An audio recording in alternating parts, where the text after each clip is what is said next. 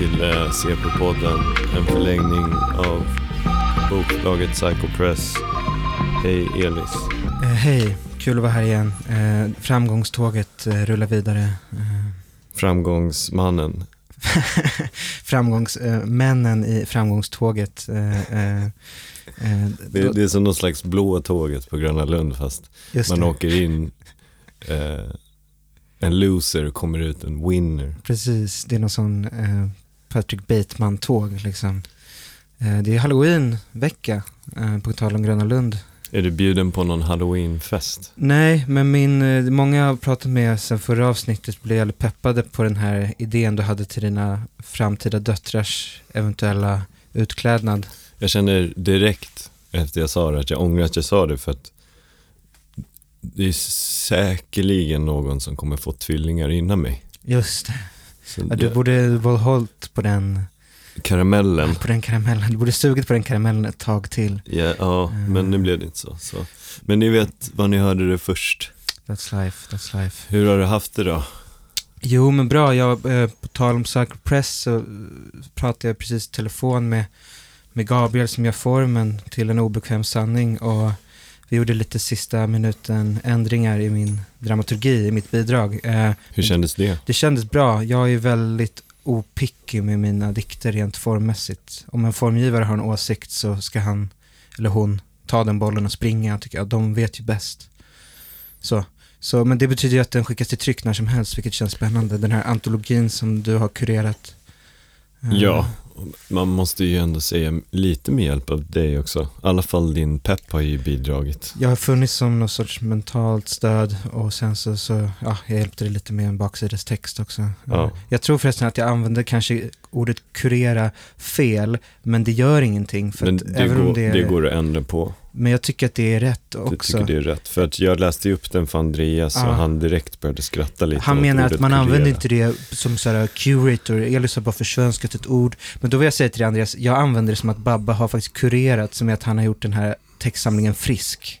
Det är det jag menar. Precis. Jag tycker det ska, ska stå kvar, det är konstnärlig frihet. Okej, då står det kvar. Eh, låt det stå, jag tar den kulan.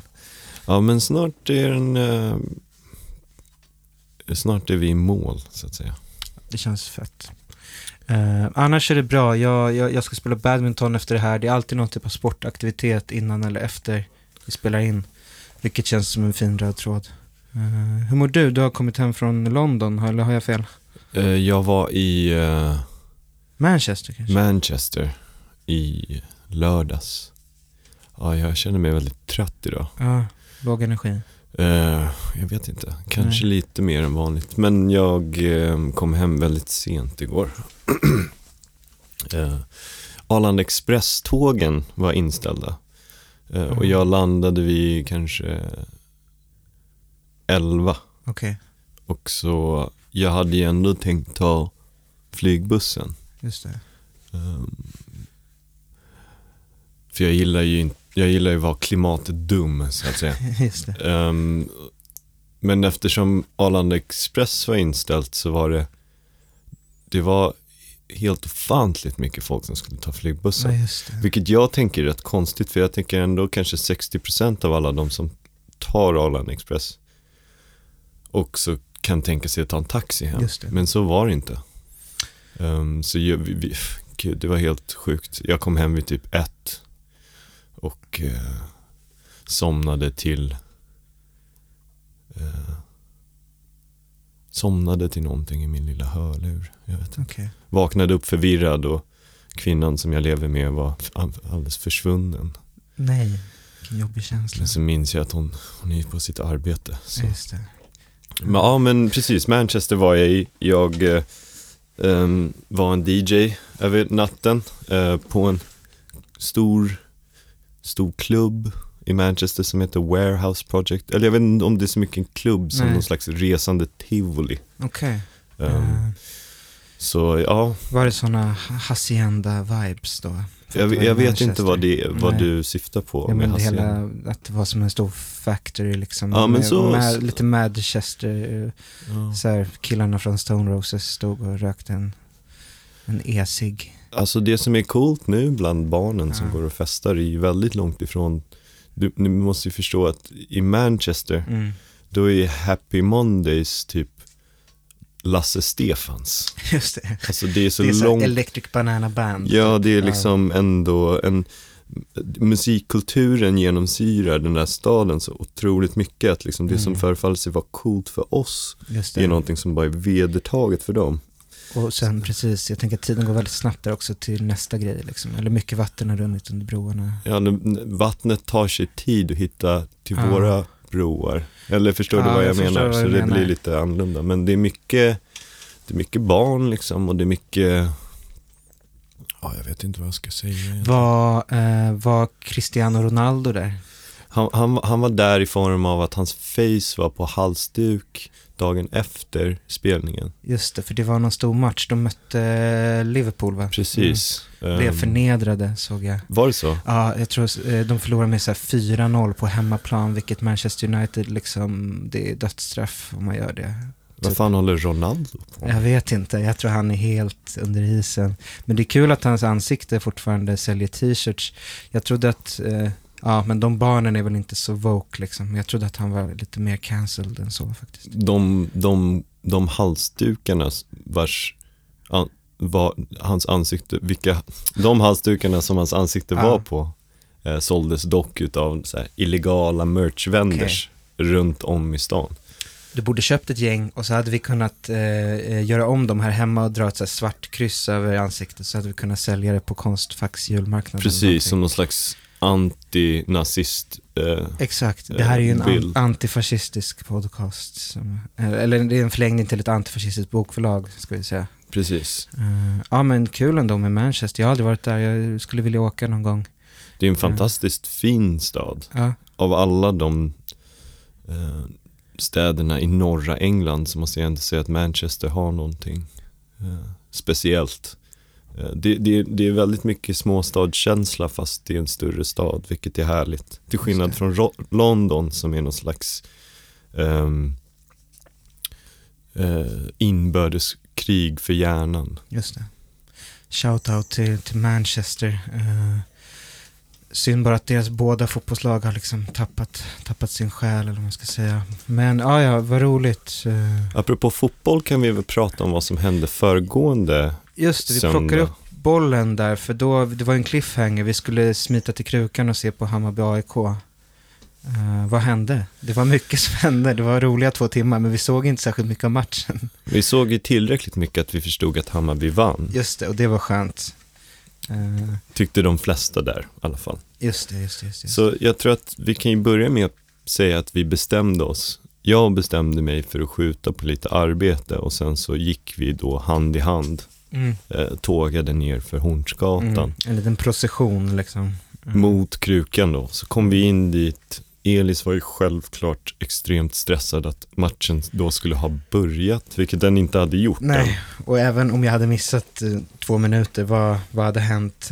Ingenting, men, men det, ja, det är lite så jag funkar. Så går jag fram till en av de männen som står då i baren på krukan och frågar om det finns någon plats. För jag identifierar rätt snabbt att det finns rätt dåligt med plats på den här baren då. Precis. Och då ser vi en ensam kille i en Gotlandskeps Mm. och en Bayern München eh, supportertröja Ja, eh, sitta och avnjuta någon slags öl. Ehm, och då fick vi plats bredvid honom då. Mm. Och sen till höger om oss, då satt det en man i Fred Perry t-shirt som var vit och grönrandig Mm. med sin dotter som, ja, var rätt grovt funktionsvarierad skulle Ja. man kunna säga i, i någon slags eh, rullstol då. Hon var liksom fastspänd i en rullstol eh, och kunde varken prata eller röra sig, men hon var liksom med. Hon var ju Alltså- nästan mer uttrycksfull än någon av oss vid Ja. det bordet måste man ju Ja, just ändå det. Hon säga. hade nog också mest, mest karisma och brydde sig mest om fotbollen, eventuellt. Ja, det skulle jag nog Ja, säga. ja. Ehm, Nej, det var kul med han när vi frågade mannen som jobbar där, han som Jonathan Brott brukar prata turkiska med, men som vi frågade på svenska så. Finns det, ingen av oss kan ju ingen av oss kan ju turkiska särskilt bra. Så fick vi två platser. Vi, men det var så härligt för att eh, direkt började ju den här eh, killen med Gotlands keps och Bayern München tröja att söka kontakt med oss. För jag tror inte han annars hade så många kompisar i sitt Värt liv. att nämna är ju också att han ehm, hade någon slags funktionsvariation Också ja. också då. ja. Men, men var lite mer verbal och lite mer. Och han älskade idrott. Och då menar jag generellt. Alltså han skulle till Hjorthagen efteråt och kolla på handboll. Och han hade årskort på Hammarby bandy. Men han hejade inte på Hammarby fotboll. Han hejade på Bayern München. Så han satt och kollade på sin telefon. Åt någon sorts, beställde in någon sorts kebab.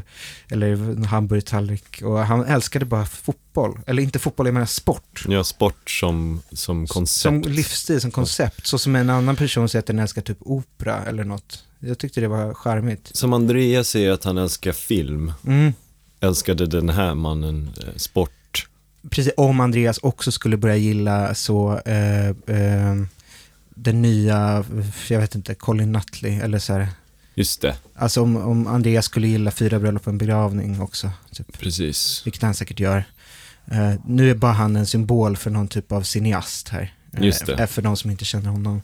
Men det var, det var kul och så först tänkte vi så här, jag tänkte i alla fall, fan jag vill ju kunna sitta och prata med, med Babba och kolla på matchen och jag vill inte bli störd var, var 14 sekund av den här Gotlands killen som typ ställer en fråga eh, helt utan social liksom, feeling. Och den här andra då, Fred Perry beklädda mannen som jag tycker vi kan kalla för eh, ehm, Sune. Sune, precis. R- rakat huvud, 55 år kanske. Det första han säger är när du beställer in en Ramlösa så, så kommenterar han det. Det är hans väg in i samtalet. För Ja. han, han är också jävligt kåt på liksom småsnacket. Ja, precis. Han Ja. sitter i någon slags funktionsvarierad macka där. Och Just så det. kommer vi in som någon slags ovarierad majonnäs och Ja. pickel. Och han ser sin chans att eh, håna dig lite för att du inte dricker stark öl. Ja, på något sätt så lyckas han göra det. Samtidigt som han ger mig typ nästan en komplimang att jag typ ändå väljer att dricka en Ramlösa då. Just det.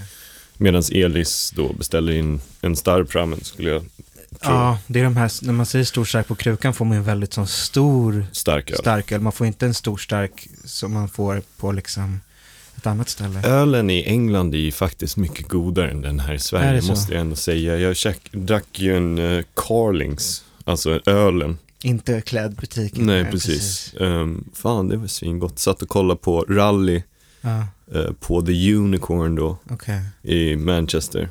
Det låter soulful. Pubbar i England har ju ändå någonting. I alla fall, då började Sune då eh, prata med oss under matchens gång. Och sen så började han snacka om ja, diverse grejer som har hänt i hans liv. Mm. Och så visade det sig att han eh, muckade från fängelset för något år sedan. Mm. Hade fraktat, vad var det han sa? Han sa att han hade flugit någon typ av narkotika va? Alltså jag förstod inte om han hade varit piloten. Nej, för han började, han började skryta om att han hade alla körkort. Ja, Och även ja, flygkörkort ja flygcert. liksom. Flygcert. Ja. Och så flickar han in med, ja, svenska staten gillar inte när man flyger 150 kilo hasch från Beijing in till Arlandas Just det, flygplats. att han hade gjort det från Kina också, vilket känns extremt olagligt. Eh, Också så blir man ju lite sugen på, hur smakar det kinesiska haschet? Precis, och var det liksom värt, ja det är så bra då att det var värt att ta den risken och flyga in det eh, hit. Nej men han var ju väldigt så, för han hade också bjudit dit sina andra barn, två vuxna barn, som skämdes väldigt mycket för sin pappa. Eh, Medan vi uppmuntrade honom, för att vi, vi, du började till och med dricka öl för att du tyckte det var så kul att lyssna på den här mannen. Ja, men jag, eh, på något sätt så speglade ju han mig i min Ja. Tourettes. Mm. Samtidigt så var han lite liksom bättre på att nyttja den i, Ja. den, i, det, i, i, i den stunden. Så Han jag ville blev, imponera på oss, vilket Ja. också märktes. Han ville ju spela Allan liksom. och han kallade mig för Babbas, Babbas. trots att jag, det, det, sånt gillar ju jag. Ja, men däremot gillade du inte när Gotlands eh, eh, mannen frågade var du kommer ifrån. Just det, just Då, det. då var För, det han, väldigt... för, för det som gjorde mig frustrerad Ja. var att han var ju någon jävla lantis. Ja, Och så sitter dig. han på krukan under en bayern match Han hör ju hur jag I en pratar. Gotlandskeps. Med en FC bayern t-shirt bara, var kommer du ifrån då? Tror du att han hade hört på stan, ja men Bayern spelar ikväll. Och så trodde han att det var Bayern München. Att, Jag, ja, jag vill inte Nej. lägga olika tankar nej, i hans huvud. Nej, nej, men, han, han ska ju bli behandlad som precis alla andra. men Eh, jag, jag, jag blev lite, jag sa att jag är från söder. Ja, väldigt kort ton så här, Ja. som du kan vara när du är irriterad på någon. Men det var bra. Jag tror han förstod budskapet. Men den här... eh, Men det är också, det är en ja. sån krånglig sak, för när någon ska fråga mig var jag kommer ifrån och jag behöver berätta varenda jävla land jag kommer Ja. ifrån. Det, folk blir aldrig glada över svaret. Nej. Antingen är det för mycket Mm, eller så är det för lite. precis. Om jag bara säger att jag är svensk, då börjar folk undra, men Ja. vad menar du att du är svensk? Om jag säger att jag är alla de sakerna jag är, då är det lite så här, aha, du är en sån som Yes. säger att du är en kvarts nordpolare liksom. Och ja, det ger ju mig, det sätter ju mig i en situation där jag, Mm. det är en moment 22 utav att jag är oskön. Mm. Så det enda sättet jag kan förhålla mig Mm. till det är att säga, jag är, jag är härifrån, krukan. Krukan, precis. Jag föddes i huset ovanför, eller 90 gritt där borta. Men Men det var i Ja. alla fall en rolig, en rolig liten träff där. det var ju det, det var också skönt för det satt ju då, trots att Krukan i mina ögon är supermycket en Hammarby-bar, så satt det så här fem eh, 40-åriga AIK-are precis vid toaletterna, så man var tvungen att gå förbi dem när man skulle gå på muggen. Och då, jag var lite nojig och typ sa till dig att jag skulle ta av mig min Hammarby-keps när jag gick förbi där. Vilket är så jävla... Varför För skulle jag tänkte att de skulle slå mig. Men då sa då Sune, vår nya kompis, bara Du, jag har din rygg, jag lärde mig ett och annat när jag satt inne på Kumla. Så jag var inte hård innan, va? jag är ju vänster, va? jag är ju marxist, men alltså jag kan ta till våld om det behövs. Jag lärde mig det när jag satt Han inne. flikade väldigt mycket in med små liksom, ja men jag är Han, lite jag är inte rasist, sa han också. Ja, men lite så här, jag är inte kom, jag är kommunist. Eller så här, jag älskar Kina. Jag skulle bli kinesisk Det var medborgare. också kul att vara så här, eh, vänster som älskar Kina. Alltså det är en sån gammal Jörn Myrdal-kommunist liksom, som inte finns längre. Eh, förutom på Kumla då. Sven Volter. Ja, exakt. Ja. Sven Wollter, Jan Myrdal.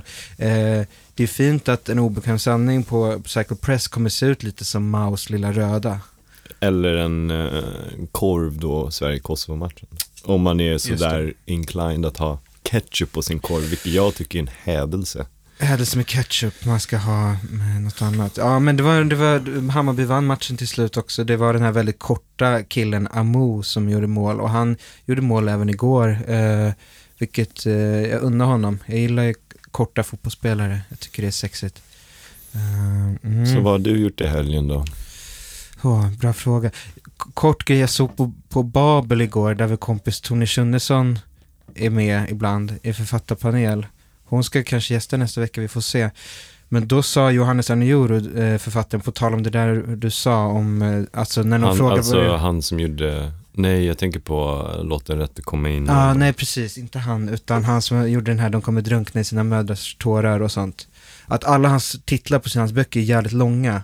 Så när någon frågar honom på klubben så, så är det lite som när någon frågar dig var du kommer ifrån. Alltså han vill ha ett kort svar men han, han börjar säga det här långa svaret och så säger alla bara va? De orkar inte lyssna liksom. Vilken klubb? Alltså när han är ute och festar typ. Aha, det är på forum. det lät så definitivt. Jag vet inte. Men du var ju Eh, med i tv här. Ja, jo men det är väl det roligaste, eller det är väl det mest spännande som hände mig förra veckan, sen vi såg sist kanske, jag vet inte. Var, det, var, var det då eh, ner mot Gärdet som du gick då?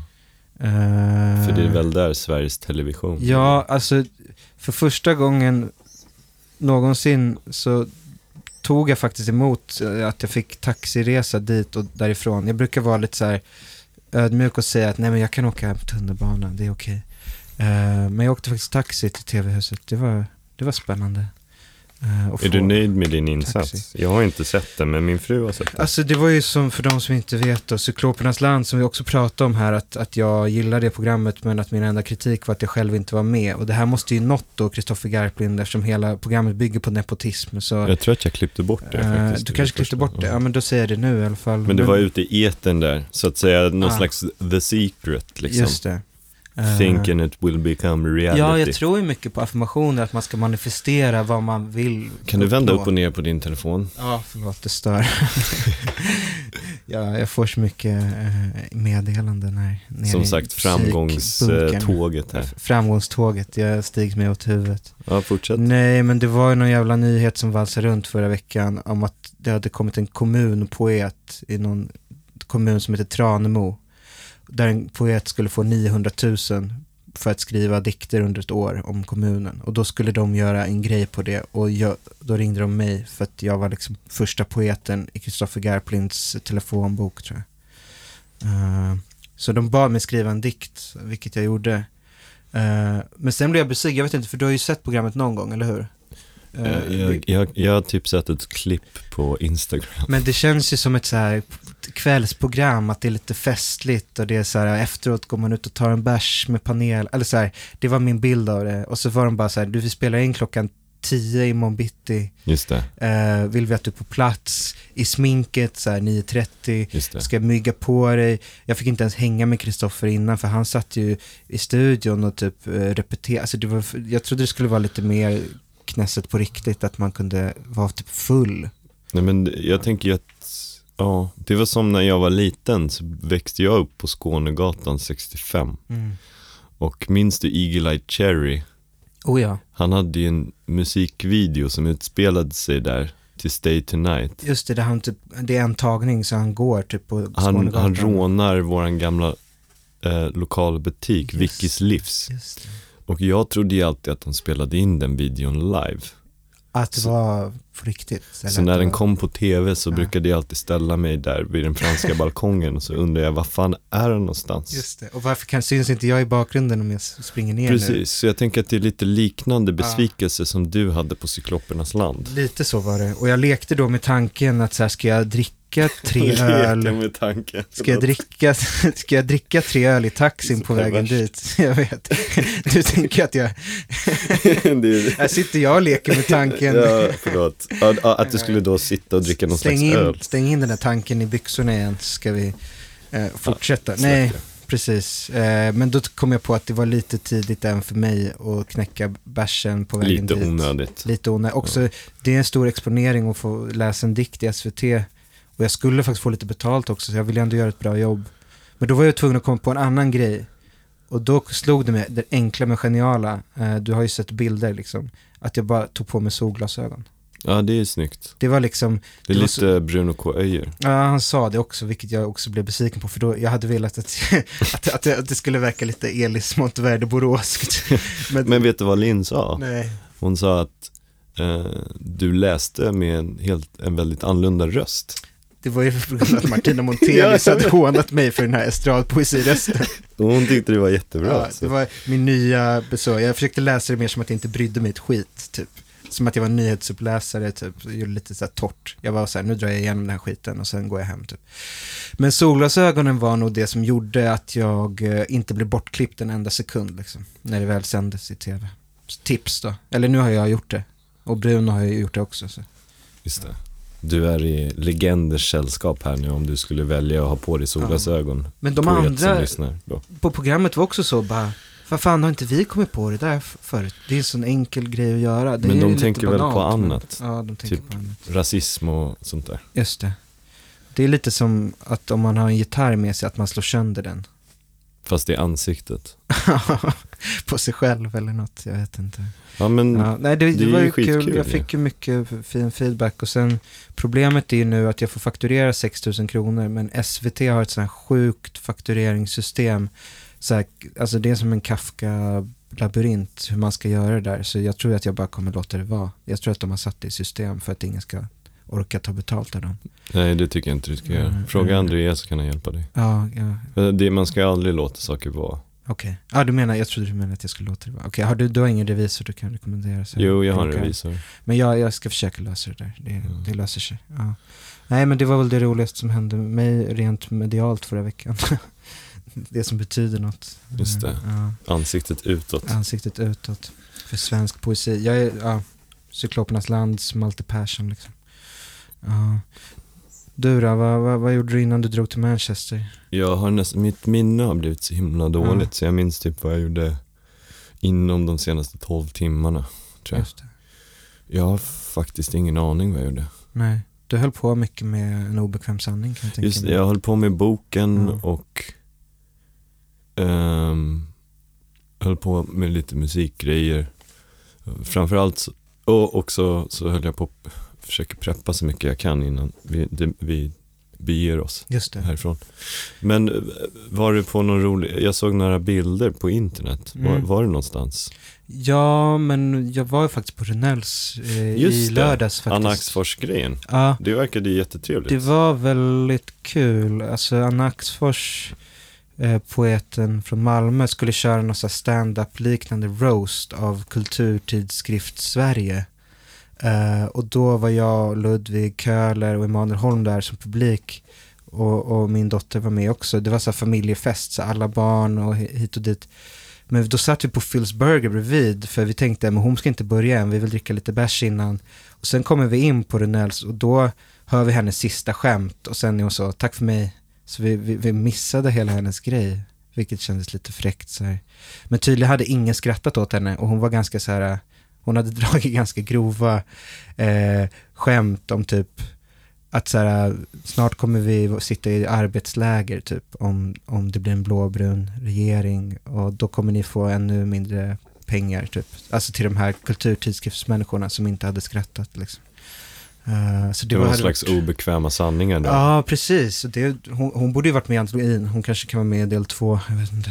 Eh, men då snackade jag med Pekka som har Renells om vår release då. Mm. Eh, den 2 december är det bestämt nu hörde jag. Ja, precis. Det har varit lite fram och tillbaka med det där. Men nu har vi äntligen hittat det där datumet. Och han sken upp när han sa att han hade skaffat några så här, alltså han vill ju väldigt gärna att det blir någon typ av livemusik tror jag också. Okej. Eh, jag sa att vi ska försöka fixa det men att eh, jag kan inte lova något. Eh, om inte Mm. du vill spela gitarr vill nog säkert Ludvig Köhler spela lite gitarr. Mm, alltså grejen är den, jag vill Mm. jättegärna att det inte är musik. Nej, att det är fokus på texterna och boken. Precis, alltså lite, för det första hade det ju varit jätteobekvämt Om du tog över och om jag började dina spela låtar mina låtar. Det som hade- inte är med i boken. Som inte är med i boken. Och med, men också så känns det, om jag skulle välja musik Mm. då, eh, inget emot Ludvig, men jag hade inte valt Ludvig då i Nej, första fall, utan Ludvig vill jag ha som författare och poet Mm. Men ja, vi, vi får ju i, i värsta fall få Pekka vara någon slags DJ, det tycker jag är Det trevligt. låter bra. Han har rätt bra smak. Ja, ända sedan jag läste låt Håll skeppet Håll sjunkande. skeppet sjunker så blev jag ju extremt imponerad ut av hans musiksmak för Ja. att eh, det är ju så roligt när man blir imponerad av hans musiksmak. Verkligen. Eh, en, en liksom vä, vän finlandssvensk eh, herres eh, otroligt eklektiska musiksmak. Otroligt eklektiskt. Ja. Inte. Nej, jag vet inte, men bra i alla fall. Ja, men jag kanske sjunger mina dikter för att de är ju inte bara sånger, men då kan jag sjunga dem a cappella, kanske. Det skulle du kunna göra. Va, va, Ja. Han var väldigt inställd på att det skulle vara någon slags musikaliskt inslag alltså. Jag vet att det inte vad han tänker. Han tänker på dig så tänker han på en gitarr i handen eller någonting. Aha. Han hade köpt någon typ av förstärkare, alltså inte bara till det, de har ju live De har ju live-grejer. Ja men Eh. vad fan, jag kanske bara ska Du spela. kanske kan riva av något liksom. Ja, jag kanske kan eh, köra någon cover på Var är alla polarna någonting. Ja men exakt, det behöver inte vara någon av dina Just låtar. idag är jag stark eller någonting. Något som I linje ram- med Hammarbypodden som vi har. Precis, och något som, ramar, något som ramar in texternas liksom eh, vänskap med varandra på något sätt. Ja, det kommer bli bra. Alla är välkomna. Sen efter kom stand-upen då, så gick ni vidare eller? Ja, alltså jag har ju börjat, jag har ju, ja vi gick till Spitting Bulldog. Den här baren mitt emot som inte är Bongo bar utan alltså lite mer mm, till vänster mm, från Sita. Eh, jättedåligt ställe, eh, dyrt och liksom eh, obekvämt. Men vi hade två barn liksom med oss. Anna Axfors dotter Gunilla, vilket är kul, hon, att hon heter Gunilla. Det är hon, jätteroligt hon att är heter typ tre Gunilla. år. Hon är en, Känns hon, som en bildlärare. Ja, hon är en stjärna. Men hon var där och, och kollade på sin padda och min dotter var med och sådär. Så drack vi lite öl.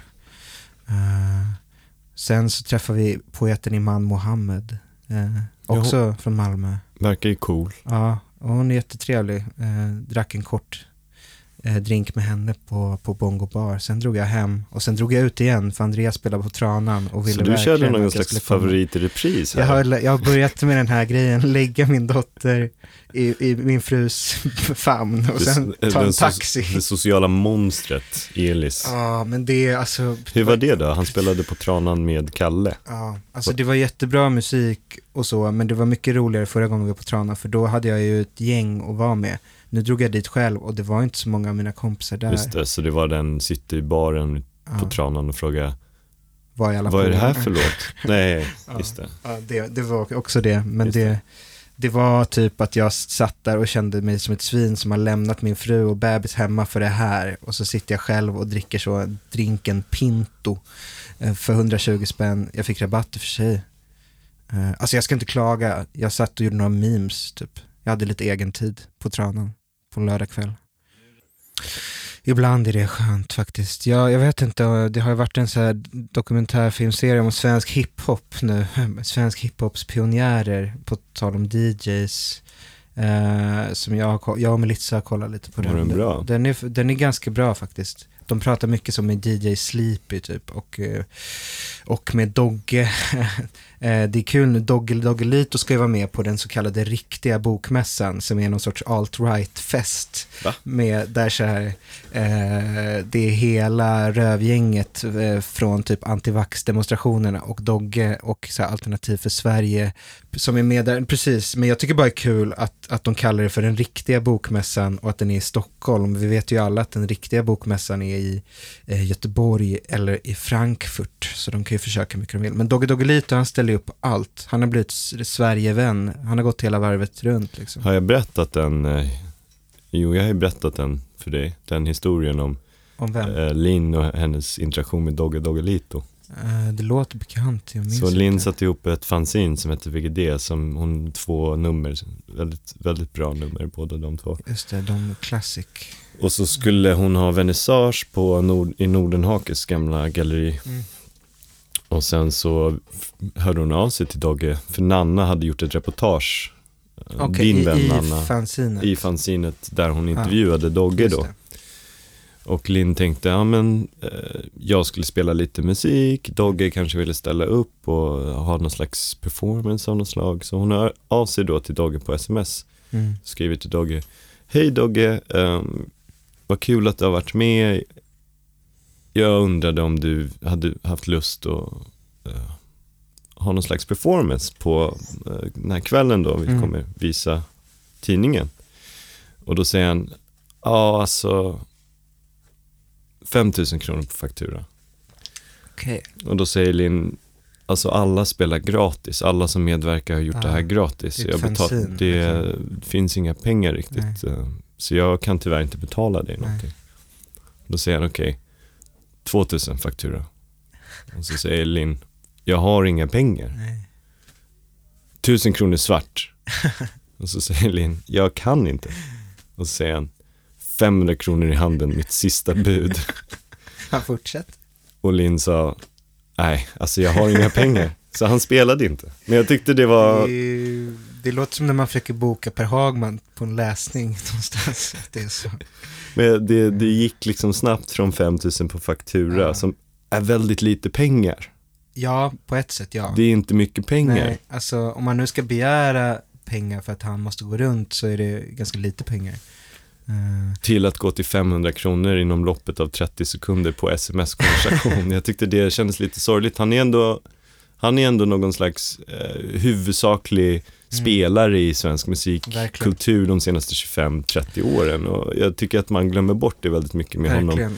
f- på grund utav hur han delvis framställde sig själv medialt men också hur media har framställt honom. Mm. Det är väldigt otrevligt tycker Verkligen. jag. Alltså, jag lyssnar på I skuggan av betongen och blir liksom knäckt varje gång Ja, för ja, att det är nej, så men- jävla bra. Också att de gjorde hiphop på svenska på, under en tid när, när det ansågs omöjligt och fett töntigt. De var ju liksom... Framförallt så tycker jag när man börjar så här, eh, jag vet inte om jag alltid tycker om den här eh, kategoriseringen Nej. utav hiphop i svensk eh, musikkultur som, som en, en, en, en stor generell bred kategori. Jag förstår att de gör sådana här dokumentärer för att Mm. sälja in det, Mm. men Latin Kings som fenomen, som musikalisk Mm. akt har ju haft har, har ju haft en sån enorm påverkan på Mm. så mycket av den musikkulturen Mm. som finns här. Mm. Ehm, Verkligen.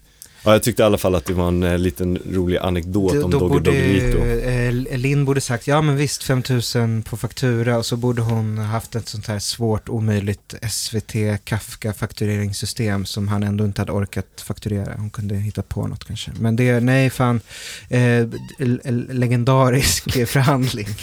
Ja, också lite så här sjukt av Linn och bara nej. ja, men alltså, jag hade ju gett Dogge en 500-lapp i handen. Jo, jag vet, men Linn har ju så fasta, liksom, hon är, står ju fast vid sina Ja, principer. Jag, jag, jag älskar ju det, liksom. jag tycker Ja. det är fantastiskt. Visste du, i, i, han sa, Dogge sa att snubben eh, trodde han var cool, att den låten handlar om Lasermannen egentligen. Det känns som en efterhandskonstruktion. det är fantastisk efterhandskonstruktion i så fall. det, det, det är väldigt eh, bra för att... För Bra spaning, tror inte att Lasermannen bara gick ut och bara fan alltså. Alltså det här, det jag håller på med. det, det är coolt. Det är som när Bruno K. Öijer sätter på sig de där solglasögonen för, den där, för den första gången. Och läser sina dikter utan till. Eh, precis. Eh, ska jag göra min Bruno K. Öijer-imitation? Gör det. Nej, okej. Eh, och, och, och natten viskade Annabelle. Hon Okej, hade- du kan sluta. Ja. Den är inte som Linda Pyro. Jag kom på en bra, ett nytt bra skämt då. Okej. Eh, Jeff Mesost. Ja, det är bra. Eh, Jag har börjat läsa igenom eh, Live Society nu ordentligt. mm. Det finns ju några väldigt, den är väldigt rolig den här boken. Vissa kapitel är väldigt, väldigt roliga. Det är kul när han börjar så fladdra runt med armarna som gamla människor gör i Taipei. Ja. Eh, fast på sin balkong då, som heter, i lägenhet som heter 4K, som jag tycker är väldigt kul. Och han har någon slags andningsövning som typ eh, tar bort syre till till hjärnan, så att, som man kallar YG då. Just det. Så, var, så skriver han typ I'm on my second YG in 4K on the balcony flapping my arms. Det är, det är en väldigt rolig bild. Det är så... och så skriver han så här, ja, om jag, om jag dör nu Mm. av att liksom flamla runt med armarna i, på min balkong i Mm. 4K så kommer folk tro att jag begått självmord. Jag tyckte det var, Det har varit en fin, ett fint sätt att lämna jordelivet på. Men jag, vad- gill, ja. jag gillar ju fysisk humor. Fysisk humor, så, precis. Så att när jag kan, när jag får en bild målad för mig som är väldigt fysisk så kan jag inte, jag, jag, jag kan inte göra något annat än skratta högt för mig själv. Att Du tänker dig så här, Johan Glans i någon sorts yellowface som spelar Taolin i den här uh, filmatiseringen av Live Society kanske. Jag tycker yellowface, eh, det behövs inte. Johan Glans är så asiatisk ut ändå. Han kan göra, han, han kan pulla off ändå. Ja. Eh, ja, nej, jag, jag, eftersom jag har barn och läser så jävla fragmentariskt och sporadiskt så har jag faktiskt inte ens läst, läst ut den än. Men var senast du pratade Mm. med Taolin. s- senast jag pratade med Taolin var på Twitter. eh, eh, då jag skrev att eh, han hade skrivit en bra bok, men jag ljög då för jag hade inte läst ut den. Eh, ja, vad, vad ska man säga mer? Eh, vad är klockan? Eh, vi har nog lite tid kvar. Vi har tid kvar. Ja. Eh, som sagt, jag ska spela badminton tillbaka till brottsplatsen där jag nästan blev misshandlad av de här kryckbarnen. Men de har nog eh, hoppat vidare eh, Tror i det? livet. De kanske bor där, De väntar runt hörnet och kommer dansa in där. Ehm, just det. Som en sorts mytologiska skräckfilmsfigurer. Ännu läskigare den här halloweenveckan då. Jag vet inte, du kanske inte är så nere med halloween som, som årstid eller fenomen. Jag tycker det är jag ganska tycker, du kul. tycker, ja jag tror du skulle säga Ja. att du tycker halloween är ganska läskigt. Läskigt också, Ja. men jag har börjat omfamna det mer. När jag var liten var jag ju livrädd för all, alla typer av masker och alla typer av clowner och alla typer av den typen av liksom Alltså jag har aldrig varit inne i något spökhus. Det är inte riktigt ditt grepp. Nej, men sen så, eh, efter, eftersom jag är så eh, patetisk och vår, eh, en, en favorit till oss, eh, författaren Dennis Cooper var här i höstas och så sa han att han älskade så här, nöjesfält och spökhus och den typen av estetik och då, då ska jag börja gilla det liksom. Just det, du vänder eh, Kappan kappan, efter efter, vinden. Efter s- vinden. Ja, säger man så. Ja. Så, men halloween då, vad, vad betyder det för dig? För jag är amerikan, så för mig betyder det någonting Mm, väldigt specifikt. Men just för dig som svenne, mm. Vad, är det någon slags inköpt grej nu efter Dennis Cooper sa att det var en ball Ja. årstid eller? Så är det nog. Okej. Och det är också en, en, en, en högtid som, som sitter ihop med någon sorts exotifiering av USA i mitt huvud tror jag. Eh, alltså för, för två år sedan var vi i New York under halloween och då tyckte jag lite så att det var fett att gå runt och se att folk faktiskt eh, gjorde om sina townhouses eh, totalt under en hel vecka med spindelnät och skit. Alltså att det verkligen var vuxna som höll på med det här. Det kändes så här... eh, Jag tycker det är intressant. ball. Jag tycker det är intressant att man tar typ någonting, för det, det, det är väl någon sån mexikansk grej eller I någonting. guess. Ja, jag vet inte. Så tar man det till Amerika Mm. och så får man det, man tar bort det spirituella kring det och, Mm. och får det att handla om allt som är läskigt. Mm. Ja, det... Det är därför jag tänker att den här 9-11, ut- kost, liksom, det är ändå en läskig dag. Just det, att det ska vara obehagligt. Det ska vara en obehaglig, Chockerande kostym, du kan inte liksom... Alltså om ingen blir upprörd så har du gjort fel på något sätt. ja, upprörd eller vettskrämd eller vad det nu är. Jag klädde ju ut mig som, det här var 99, eh, jag hade precis sett The Phantom Menace. Mm. Den hade kommit ut då. Så klädde jag ut mig till Darth Maul. Just Jag kände mig extremt ball. Lite som Lasermannen kanske. det. Du trodde du var cool för att du hade röd färg i ansiktet. Så. Och lasersvärd Ja. som, som satt ihop med, Just det. det. var någon slags du var en annan långt- typ av laserman. Precis. Med ett annat motiv då. Du, du ville döda Anakin Skywalker eventuellt. Ja, någon slags Ja. lasermål. Ja, just det. Så vad tänker du klä ut dig till då? Jag vet inte, jag är lite inspirerad av dig. I fjol, eh, rätta mig om jag har fel, men klädde inte du ut dig till eh, häftig magiker? Nej, jag, Nej. så här var det. Ja, berätta. Jag var bjuden eh, på Lins väns eh, halloweenfest då. Smittsäker då. Ja, hon, hon är faktiskt eh, sjukskötare. Ja. Så hon, eh, det var, allt var kosher då. Och eh, Lin klädde ut sig till en runaway bride. Jag vet inte om det var någon slags peak då. För vi hade inte förlovat oss än då. Ah, mm. Vilket var kul, sådär. Det var ju roligt, Mm. Lin. Och sen eh, klädde jag, jag tänkte väldigt länge på, för jag har alltid varit den där killen som, äh, jag behöver inte klä ut mig. Jag, det är så töntigt. Mm. Jag har redan klätt ut mig som Darth Maul, så att liksom det är svårt att toppa, Svårt att det. toppa det. Men så kom jag på att så här, jag kan klä ut mig till magiker, Mm. eh, eller snarare jag kan klä ut mig till en modern magiker. Just modern var det. Ja. För, för de kan ju se lite hur som helst.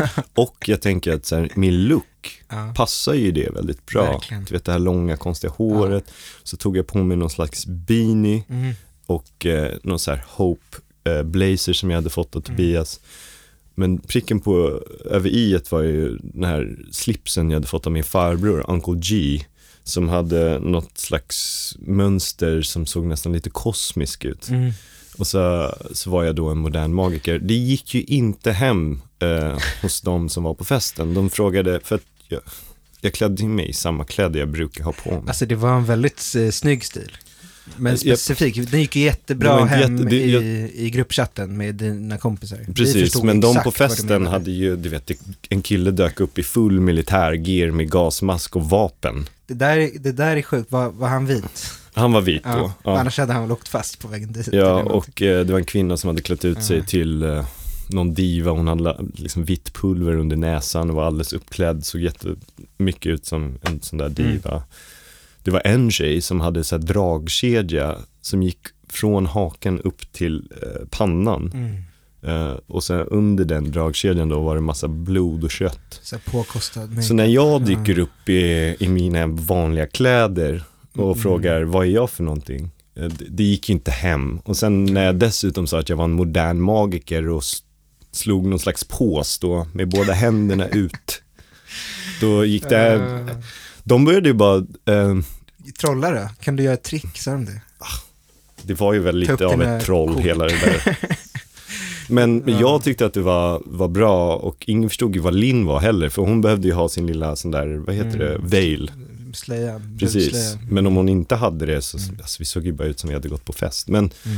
folk började ju se, när hon hade själva slöjan på sig så sa, hon, sa folk att vi såg ut som det där paret från den här eh, animerade filmen. Corpse Bride Precis. av Tim Burton. Precis, men det är ju mest för att jag såg likblek ut. och, Likblek ut och hon hade, har så här stora ögon typ. precis, Ja. så jag vet inte Eh, vad Men till och med, vi körde ju sån här tävling, Kahoot, okej. sån här tv-tävling. Kom i andra plats, jag vann nästan. Och eh, jag hette David Blaine, det var mitt namn. Då tänkte jag, kom igen. Liksom. Men det är var, den mest kända moderna magikern eh, vi har. ja han är ju otroligt modern Ja. och framförallt en magiker. Ja, Men ja, det gick inte hem. Så jag vet inte, i år, jag är inte ens bjuden på någon halloweenfest. okej. Men du borde ta tillbaka stilen och ha den mer, mer bara på någon privat fest liksom ändå. För att du, alltså även om du såg ut som en modern magiker så var du också väldigt modern bara. Och snygg. Ja, det är väl målet Mm. kanske. Jag tänkte ju Mm. lite så årets, är du stressad eller? Nej, nej, inte alls. Jag tänkte årets utklädnad, jag har haft en, någon slags fix idé på, du vet sådana här stora blyertspennor. nej, jag vet inte. Du vet inte sådana här novelty blyertspennor?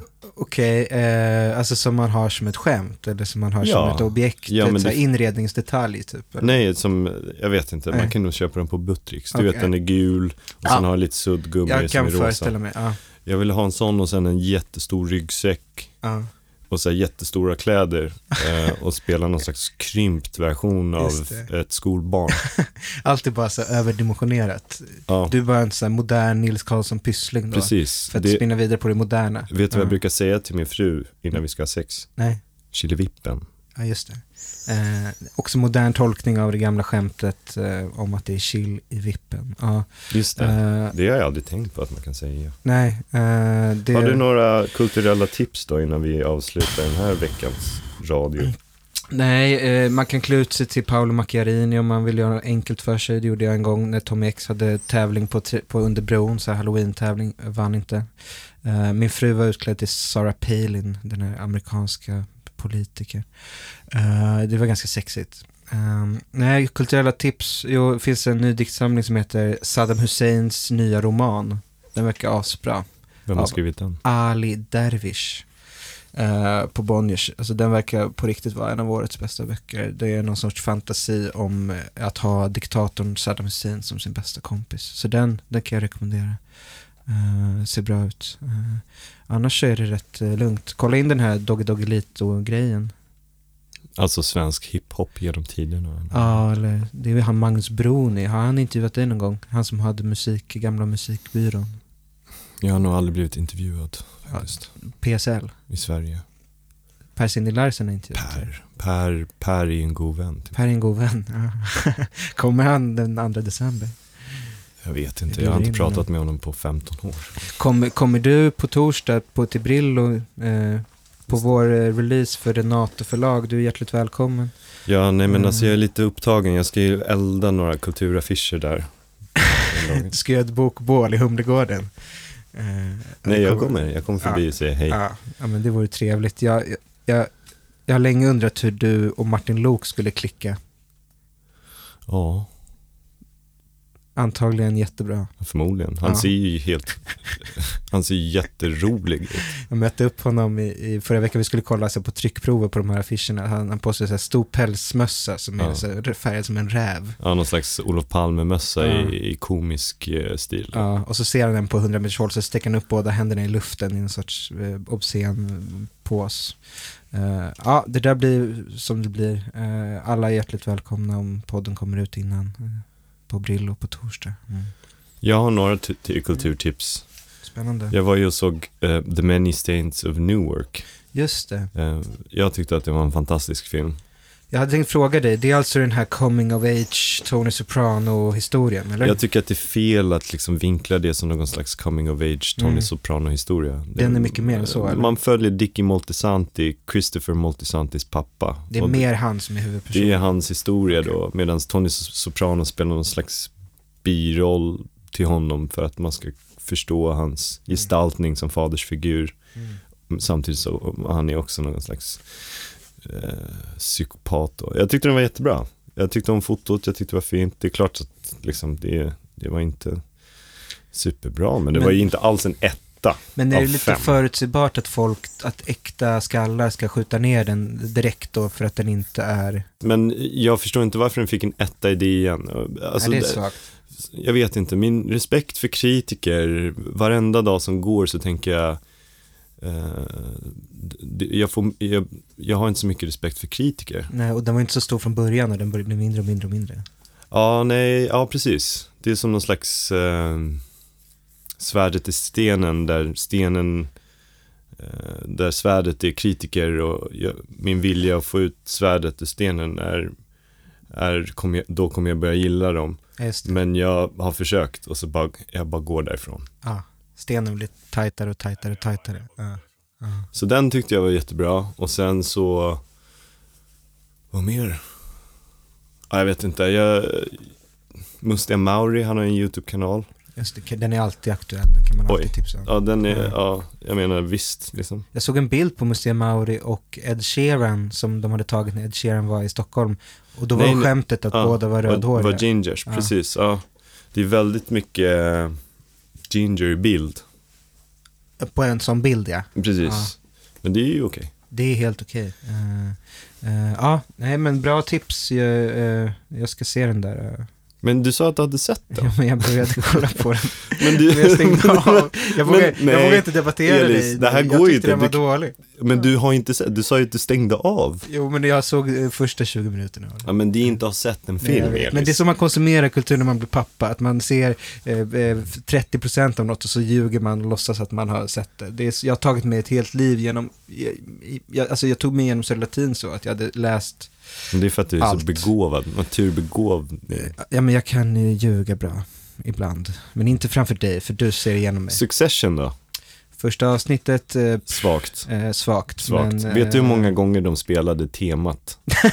Då vet man Alltså att det var liksom att alla, manusidéerna varenda, är- varenda remix av temat som Ja. någonsin har gjorts var med i den serien. Eh. Till och med Linn reagerade på det, hon bara igen. Ja, men det var ju för att det, det inte var en så, no, de kunde inte säga fuck en gång till, så de var tvungna att dra in den eh, slingan. Har du liksom. sett eh, andra eh, avsnittet? Nej, eh, har du? Ja, det var ju starkare. Okej. Det, var, det var roligare. Ska jag gå hem och kolla på det ikväll då? Eh, jag har hört att det kommer en ny säsong av Curb Your Enthusiasm snart också. Det ser man ju fram emot eventuellt. Ja, det gör man ju. Eh, det gör man ju faktiskt. Ja, nej. eh, kul med kultur ändå. Jag är ju taggad på Wes Andersons nya film The French Dispatch. Utspelar den sig i Frankrike? Ja, på någon fiktiv tidning. Det verkar ju vara Wes Andersons mest onanistiska film hittills och då har han ändå gjort en del onanistiska filmer. Har du sett den där reklamen han gjorde för American Express? Nej, låter bra. Den, han heter Banan. Jag vet inte, jag gillar inte den där mannen. Nej, ja. Men, ja, men du är peppad, vi kanske borde se den då tillsammans. ja, det vore kul att gå på bio. Jag har inte varit på bio på länge. Vi kanske går till, vi kanske kan klä ut oss. Klä ut oss eh, till, ja vad ska vi klä ut oss till då? Du Eh, är Pojkarna i Royal Tenenbaums. Pojkarna i Royal Tenenbaums, eh, Ari och Uzi eh, Tenenbaum. Eh, det blir perfekt. Med tracksuit. Eh, ja, det kanske vi ska göra. Okej, tack för idag då. Tack för idag. då. Ta- Tack, eh, tack till vår producent eh, Johan Wifelt. Just det, kul att du fortfarande är med på båten.